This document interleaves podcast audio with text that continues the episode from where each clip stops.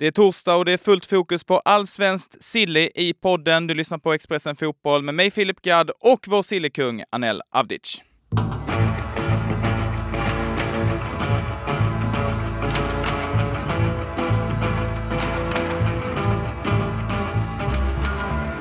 Anel, jag tänker att vi kastar oss in direkt i eh, Sillins underbara värld. Vad har du att bjuda på eh, först av allt? Ja, men eh, jag tänker att vi kan eh, röra oss till eh, Norrköping. Eh, de har ju gått väldigt bra i år, men sen finns det ju en spelare eh, som han har väl varit lite mera tillbakadragen och kanske inte platsat i år. Aris Kulason, eh, gamla GIF Sundsvall-spelaren som värvades till Norrköping inför eh, säsongen 2021. Eh, han har spelat 62 matcher för klubben så här långt, två mål, tre assist och bara åtta matcher i år och eh, startat en borta mot Halmstad. Och då tror jag att Norrköping hade någon central mittfältare borta, så han fick rycka in i, ja liksom i, vad ska man säga, i sista stund.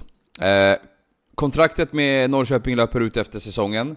Och vad jag har hört här så talar allt för att eh, Skulason kliver in i en ledarroll i Norrköping efter eh, årsskiftet här.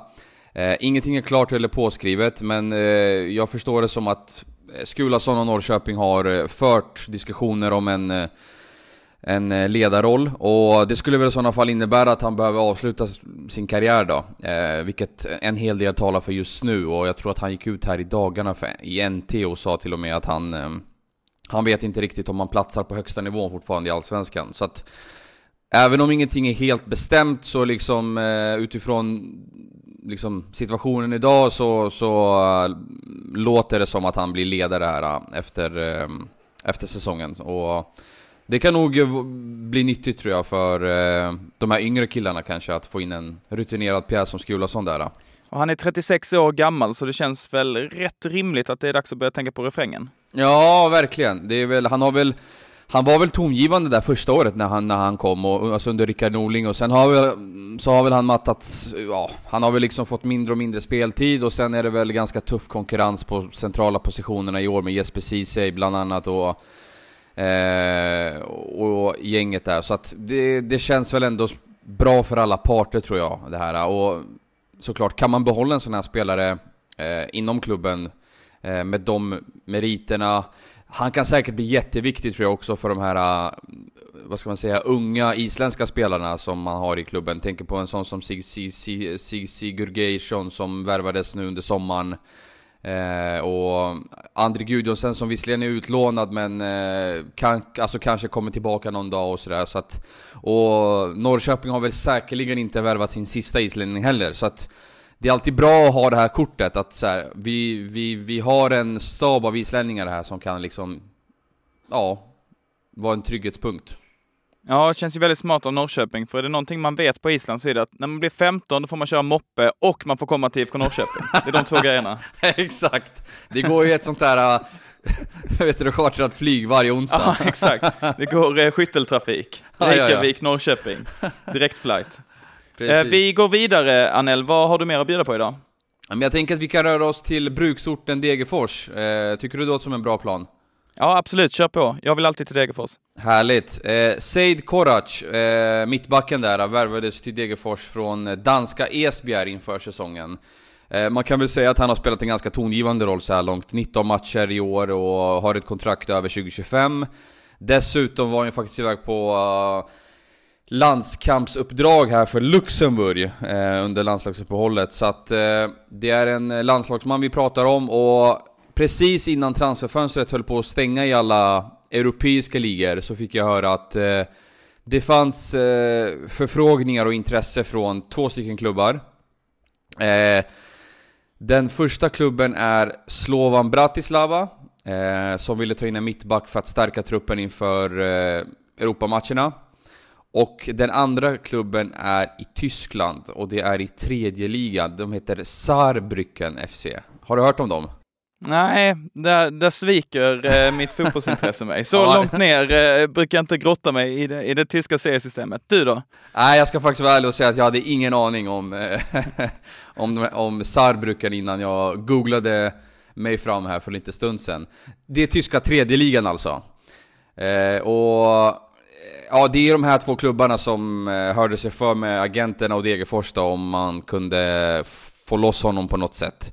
Men eh, så som jag fattade så var det aldrig aktuellt från Degerfors sida och det det går väl att förstå när det svenska fönstret har stängt och när Degerfors kämpar för sitt liv i Allsvenskan här och på måndag har man en, ja, en riktig rysardrabbning mot AIK på Friends där båda lagen är indragna i, i bottenstriden så att man kan ju förstå sportchefen Patrik Werner som bara av, avfärdade allting här men eh, de här två klubbarna försökte i alla fall och hörde sig för och så att eh, sen blev det aldrig skarpt läge eller så eh, och eh, han blir kvar i alla fall tills vidare.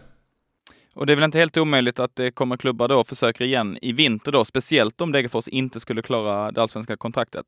Ja men verkligen, skulle, skulle Degerfors åka ur så tror jag väl kanske att eh, Korac eh, söker sig vidare bland många andra i det här laget. Eh, det blir väl alltid så att eh, eh, kanske de här mest tongivande spelarna söker sig till någonting bättre eller till någon högsta liga eller sådär. Eh, så att, eh, och Korac är väl säkerligen en av dem skulle jag tippa då, eh, med tanke på att det har funnits lite intresse nu och så. Så att, eh, nej men viktigt för firma Solberg Holmberg att man får behålla honom. Och han har kontrakt till slutet av 2025 också, bara 21 år gammal, så Degerfors har väl hyfsat bra förhandlingsläge där om det skulle bli skarpt läge lite senare i vinter. Du, Annel, jag tänker vi rör oss mot den svenska huvudstaden. Vad säger du om det? Ja, men det låter som en bra plan tycker jag. Välkommen till Coolbet där spänningen aldrig tar slut och underhållningen står i centrum. Här får du inte bara Sveriges bästa fotbollsodds, du får också en spel...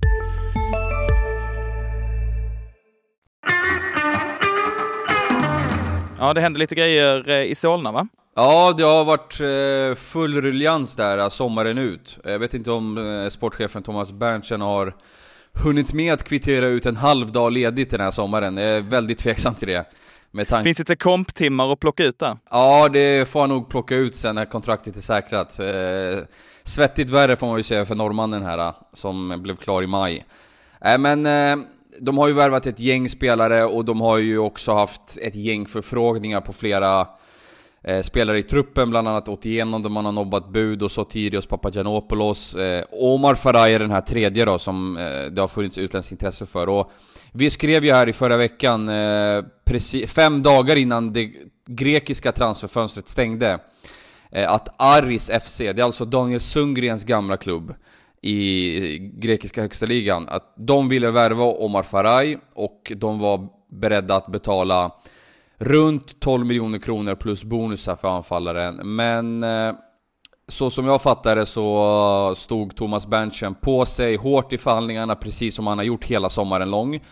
Och eh, han kom ju såklart med ett motkrav här eh, på liksom så här. Ska vi sälja honom så får vi någonstans kanske så här, det här är vad vi kan tänka oss. Och AIKs motkrav var ju då att eh, eh man ville ha drygt 1,5 miljoner euro i övergångssumma. Det är alltså drygt 18 miljoner kronor. Plus att Faraj ska spela kvar i AIK resten av säsongen. Eh, det här var väl säkert någonting som fick grekerna att, eh, ja, förmodligen eh, trilla av stolen. Eh, för att de behövde ju en ersättare direkt till en anfallare som man hade tappat.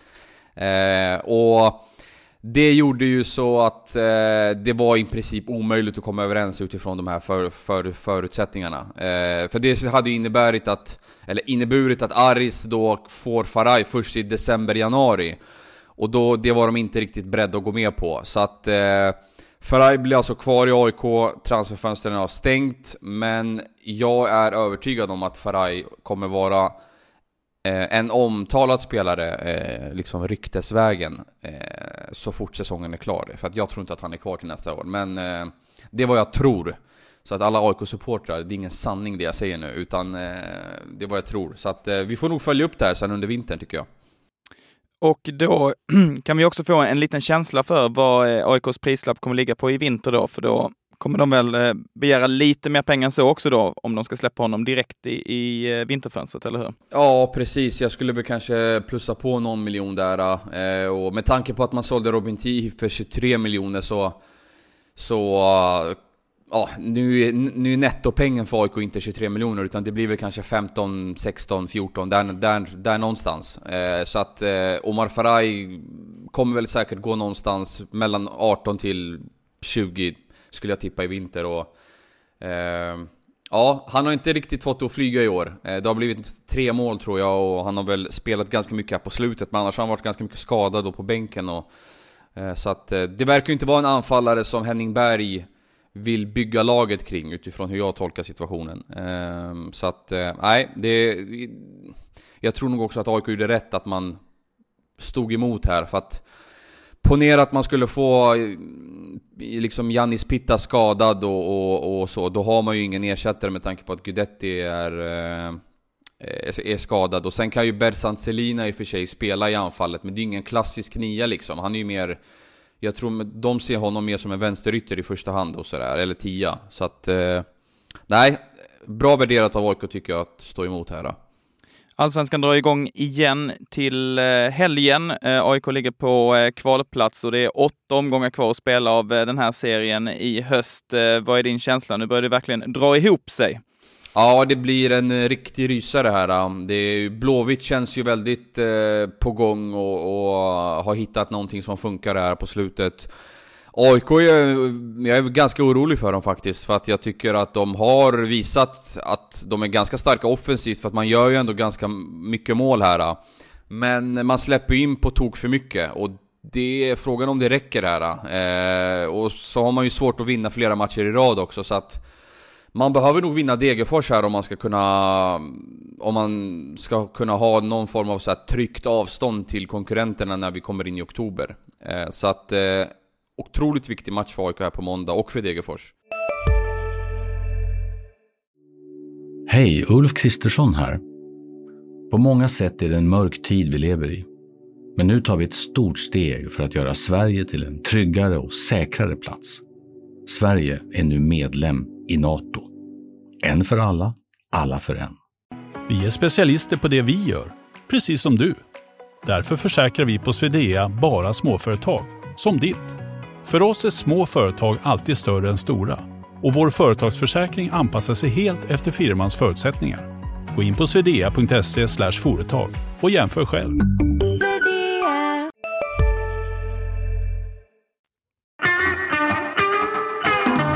AIK som eh, ligger på kvalplats alltså med 22 poäng och en poäng bättre än det Degerfors på 13 plats på 23 poäng. Så det är ju eh, verkligen en eh, trepoängs, eller en sexpoängsmatch att eh, se fram emot där på, på måndag. Och så är det ju fortsatt rätt jämnt i toppen också. Anel, jag tror vi kommer prata mycket allsvenskan eh, i höst med dig, eller hur? Ja, det verkligen. Det ser jag fram emot. Så att eh, bara för att transferfönstret har stängt så betyder det inte att eh, det blir mindre allsvenskan och mindre sill, utan det är nästan tvärtom. Då försöker vi ju växla upp på något sätt.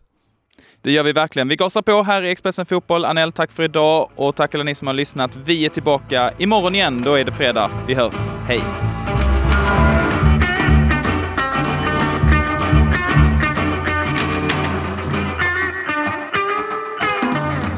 Du har lyssnat på en podcast från Expressen.